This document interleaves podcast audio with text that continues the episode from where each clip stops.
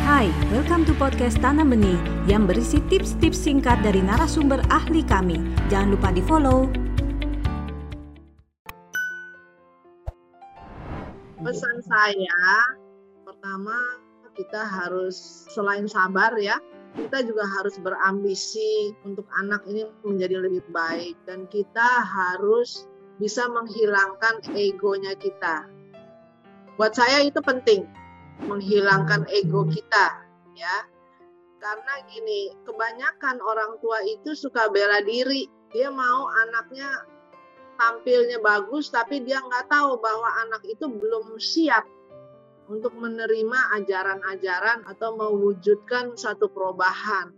Nah, itu orang tua kadang-kadang suka defensif sendiri gitu, suka bela diri sendiri. Nah, itu saya rasa nggak baik gitu ya.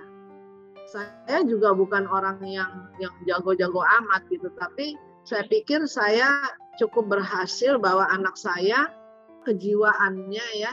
Eh, itu bagus, dia bisa menerima dia berprestasi dan dia happy.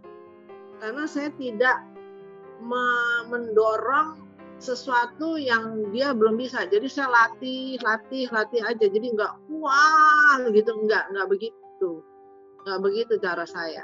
Jadi dia eh, nyaman dengan pelatihan-pelatihan ini sampai dia satu taraf dia cukup bagus gitu, berprestasi. Anda baru saja mendengarkan tips dari Tanam Benih Foundation. Mari bersama-sama kita terus belajar untuk menjadi orang tua yang lebih baik demi generasi yang lebih baik. Jangan lupa follow podcast kami